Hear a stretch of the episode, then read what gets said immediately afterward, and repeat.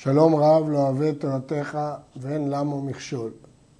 הרמב"ם, משנה תורה, ספר זמנים, הלכות שביתת עשור, פרק שני. א', האוכל ביום הכיפורים מאכלים הראויים לאדם, ככותבת הגסה, שהיא פחות מקבצה כמעט, הרי זה חייב. הרמב"ם קובע שחיוב כרת ביום הכיפורים לענייני אכילה שני תנאים, ראויים לאדם, למעט מאכלים שאינם ראויים לאדם שנלמד עליהם בהמשך, ושיעורו ככותבת הגסה. המשנה אומרת שישנם שיעורים שהם במידה דקה, ישנם שיעורים שהם במידה גסה, וישנם שיעורים שהם לפי דע, דעתו של אדם. כאן השיעור הוא ככותבת הגסה. מהי כותבת הגסה? פחות מקבצה כמעט.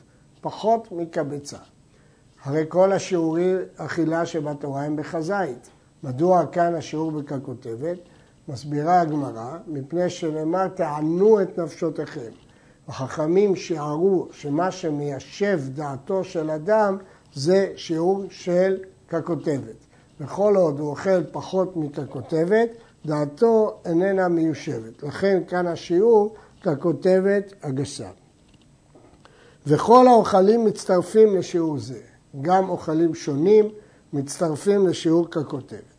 וכן השותה משכין הראויים לשתיית אדם, כמלוא לוגמיו של השותה, כל אחד ואחד לפי לוגמיו. חייב. גם כאן שני תנאים, משקים הראויים לשתייה והשיעור מלוא לוגמיו. אלא שכאן מלוא לוגמיו משתנה לפי השותה. כל אחד לפי מלוא לוגמיו שלו, להבדיל מככותבת הגסה שהיא שיעור משותף לכולם, במלוא לוגמיו זה לפי השוטה. מדוע? מכיוון שכך חכמים שיערו, שבשתייה מתיישבת דעתו של אדם לפי מלוא לוגמיו שלו, ואילו באכילה לפי כותבת הגסה לכולם. וכמה מלוא לוגמיו? כדי שיסלקם לצד אחד ויראה מלא. ושיעור זה באדם בינוני פחות מרביעית. זאת אומרת שבשתייה על פחות מרביעית כבר חייבים. וכל המשקים מצטרפים לשיעור זה, ואכילה ושתייה אין מצטרפים לשיעור אחד. יש להדגיש שכאן אנחנו מדברים על החיוב, חיוב כרת, אבל איסור הוא אפילו פחות מכשיעור כפי שנלמד בהלכה הבאה. ב. אחד האוכל אוכלים מותרים, או שאכל דברים אסורים, כגון פיגול ונותר ותבל ונבלות וטרפות וחלב או דם, הואיל ואכל אוכלין הראויים לאדם, הרי זה חייב כרת, משום אוכל ביום הכיפורים. המאכלים האלה הם ראויים לאדם מצד עצמם, אלא שחל עליהם איסור. בכל זאת חייבים עליהם כרת משום אוכל ביום הכיפורים. האם גם חייבים עליהם מדין פיגול, נותר ותבל וכדומה? הדבר תלוי בסוגיית אין איסור חל על איסור. כאשר האיסור השני מוסיף על הראשון או כולל, הוא חל, ואם לא, הוא לא חל.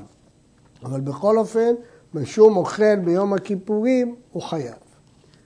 אכל או שתה פחות משיעור זה, אינו חייב כרת. אף על פי שהוא אסור מן התורה בחצי שיעור, אין חייבים כרת אלא על כשיעור. והאוכל או השותה חצי שיעור, מקין אותו מכת מרדות. כותב הרמב"ם, שגם חצי שיעור אסור מן התורה. חצי שיעור הוא ביטוי, הכוונה פחות מכשיעור, אפילו משהו. כל פחות מכשיעור נקרא חצי שיעור, הכוונה פחות מכשיעור. בזה חולקים רבי יוחנן וריש לקיש, הרמב"ם פוסק רבי יוחנן שחצי שיעור אסור מהתורה. אמנם אין עליו כרת, אבל הוא אסור מן התורה. וכיוון שאין עליו כרת, אבל סוף סוף הוא אסור מהתורה, מקין אותו מכת מרדות, אומר המגיד משנה, קל וחומר. אם על איסורי חכמים, כל שכן שעל איסורי תורה, מקין אותו מכת אה, מרדות. ישנם שמקשים, הרי מקור הדין שחצי שיעור אסור מהתורה הוא בגלל שזה חזי להצטרופה, רצו להצטרף, ובגלל הפסוק כל חלב לא תאכלו, כל, אפילו משהו. אז אם כן, מדוע לא נאמר שילקו עליו בגלל שזה לאו? צריך לומר, כיוון שזה איננו מפורש זה נלמד, לימוד של כל חלב אה, לא תאכלו. הנפקא מינה, אם זה איסור תורה או איסור דה רבנן, נוגעת אה, לגבי ספק דאורייתא לחומרא, ספק דה רבנן לקולה ועוד הלכות. ה', hey, אה, ד', אכל מעט וחזר ואכל וחזר ואכל, אם יש מתחילת אכילה ראשונה עד סוף אכילה אחרונה כדי אכילת שלוש ביצים, הרי אלו מצטרפות לך שיעור, ואם לאו, אין מצטרפות. כדי לצרף אכילות שונות, צריך שהם יהיו ברצף אחד. מה פירוש ברצף אחד? לשון המשנה, כדי אכילת פרס. מה פירוש כדי אכילת פרס? הרמב"ם מפרש שאכילת פרס היא כדי אכילת שלוש ביצים. ישנה דעה שאכילת פרס היא אכילת ארבע ביצים. הרמב"ם פוסק שלוש ביצים. נשים לב שהרמב"ם אומר שהרצף של האכילה שהוא כדי שלוש ביצים צריך להיות מתחילת אכילה ראשונה ועד סוף אכילה אחרונה. אבל ישנה דעת הר"ן שבין האכילות צריך להיות כדי אכילת פרס. ואילו הרמב"ם, מתחילת אכילה ראשונה ועד סוף אכילה אחרונה צריך להיות זמן שאוכלים שלוש ביצים. וכן בשתייה, שתה מעט וחזר ושתה וחזר ושתה. אם יש מתחילת שתייה ראשונה עד סוף שתייה אחרונה כדי שתיית רביעית, מצטרפים לשיעור, ואם לאו, אין מצטרפים. נשים לב שכאן הרצף הוא כדי שתיית רביעית, לא כדי אכילת פרס. ישנם חולקים ואומרים שגם בשתייה הצירוף הוא כדי אכילת פרס. וגם הרמב"ם בעצמו כך פסק בהלכות טומאת אוכלין.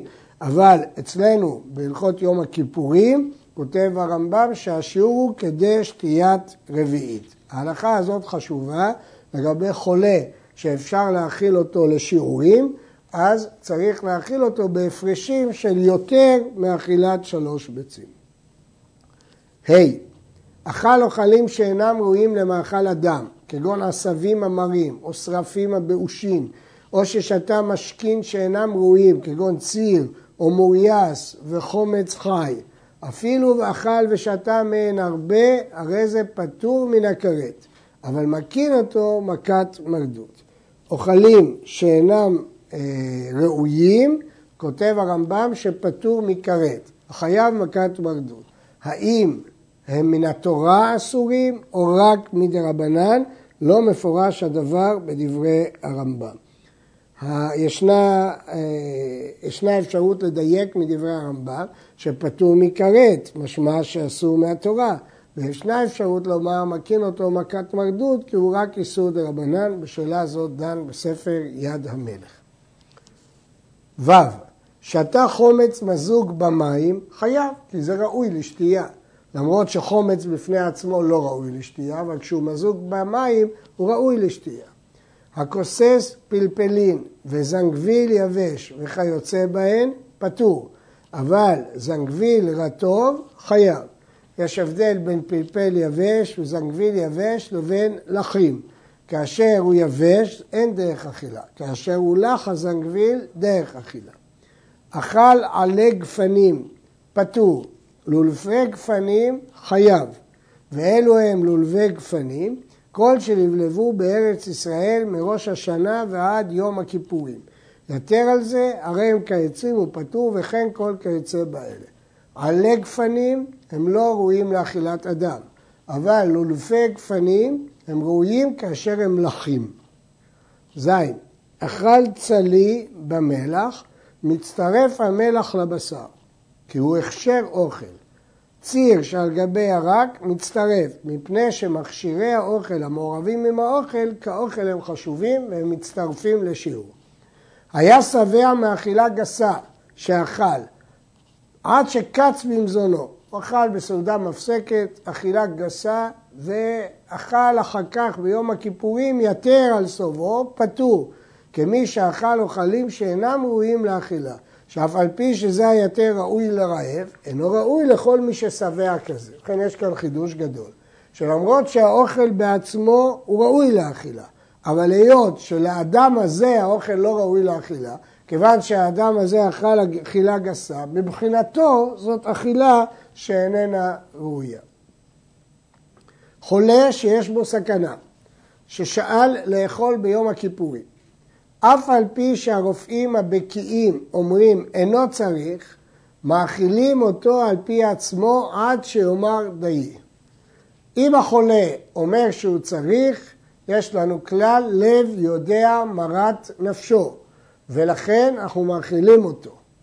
המקרה השני, אמר החולה איני צריך, והרופא אומר צריך, מאכילים אותו על פיו. למרות שבמקרה הראשון סמכנו על החולה, אבל כאן, כשהחולה אומר אינו צריך והרופא אומר צריך, מאכילים אותו על פי הרופא. והוא שיהיה רופא אומן, בקיא במלאכתו. רופא אחד אומר צריך, ורופא אחד אומר אינו צריך, מאכילים אותו. כי יש ספק נפשות, ספק נפשות, מאכילים אותו. מקצת הרופאים אומרים צריך, ומקצתם אומרים אינו צריך, הולכים אחר הרוב, או אחר הבקיאים. ובכן דעת הרמב"ם שרוב או בקיאים מכריעים גם בפיקוח נפש. ובלבד שלא יאמר החולה צריך אני, אבל אם אמר צריך אני, מאכילים אותו כי לב יודע מרת נפשו. לא אמר החולה שהוא צריך, ונחלקו הרופאים, והיו כולם בקיאים, ואלו שאמרו צריך כמניין שאמרו אינו צריך. החולה לא אמר, אז אי אפשר לסמוך עליו. רוב אין כאן, בקיאות כולם בקיאים. אז מאכילים אותו. כיוון שאנחנו ספק נפשות, הולכים לכולם. ישנן דעות אה, שונות מדעת הרמב"ם. הרמב"ן טוען שתמיד הולכים אחר הרופא הבקיא יותר, גם אם הוא נגד דעת הרוב. כמו כן, אם יש שני רופאים שאומרים שצריך לאכול, וכנגדם מאה שאומרים שאין צריך לאכול, לפי הרמב"ן, כיוון שיש שניים שאומרים שצריך לאכול, זה כמו כת מול כת, בספק נפשות להקל. אבל מהמגיד משנה משמע שנלך אחר הרוב. ויש דעה אחרת שסוברת שאין מחלוקת בין הרמב"ם לרמב"ן, ותמיד רופא בקיא עדיף על רופאים שאינם בקיאים. המגיד משנה סובר שגם כאשר מאכילים את החולה, מאכילים אותו פחות פחות מכשיור, כדי למעט את האיסור. אלא אם כן הרופאים אומרים שיש בכך סכנה והוא חייב לאכול כשיור. לכן פסק המשנה ברורה. כמובן שצריך להיזהר בזה מאוד, שלא לסכן את החולה.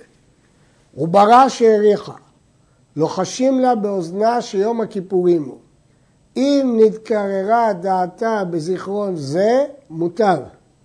ואם לאו, מאכילין אותה עד שתתיישב נפשה. וכן מי שאחזו בולמוס, מאכילים אותו עד שאורו עיניו.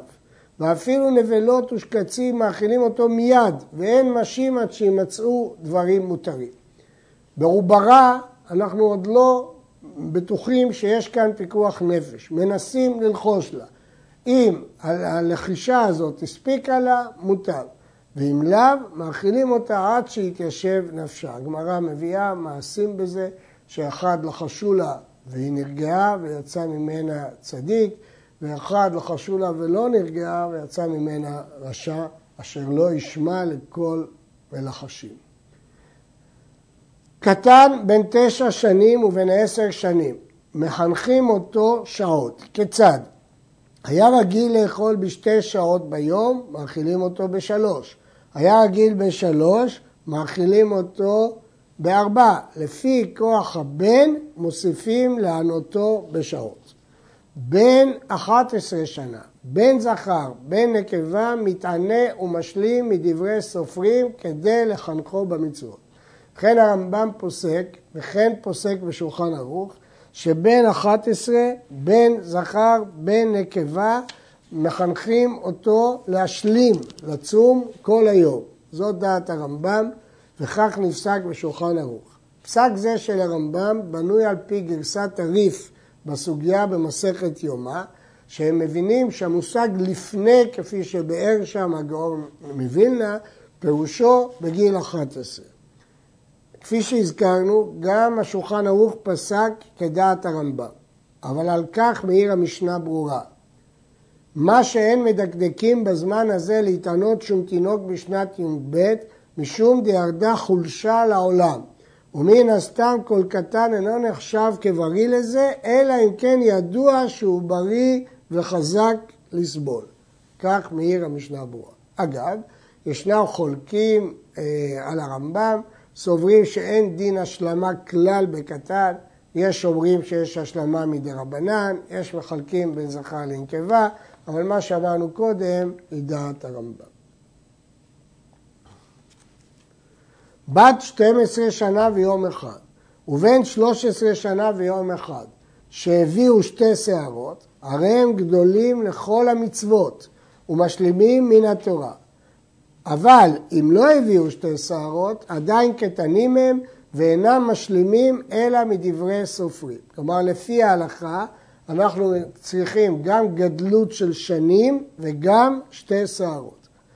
קטן שהוא פחות מבן תשע, אין מענים אותו ביום הכיפורים כדי שלא יבואו לידי סכנה.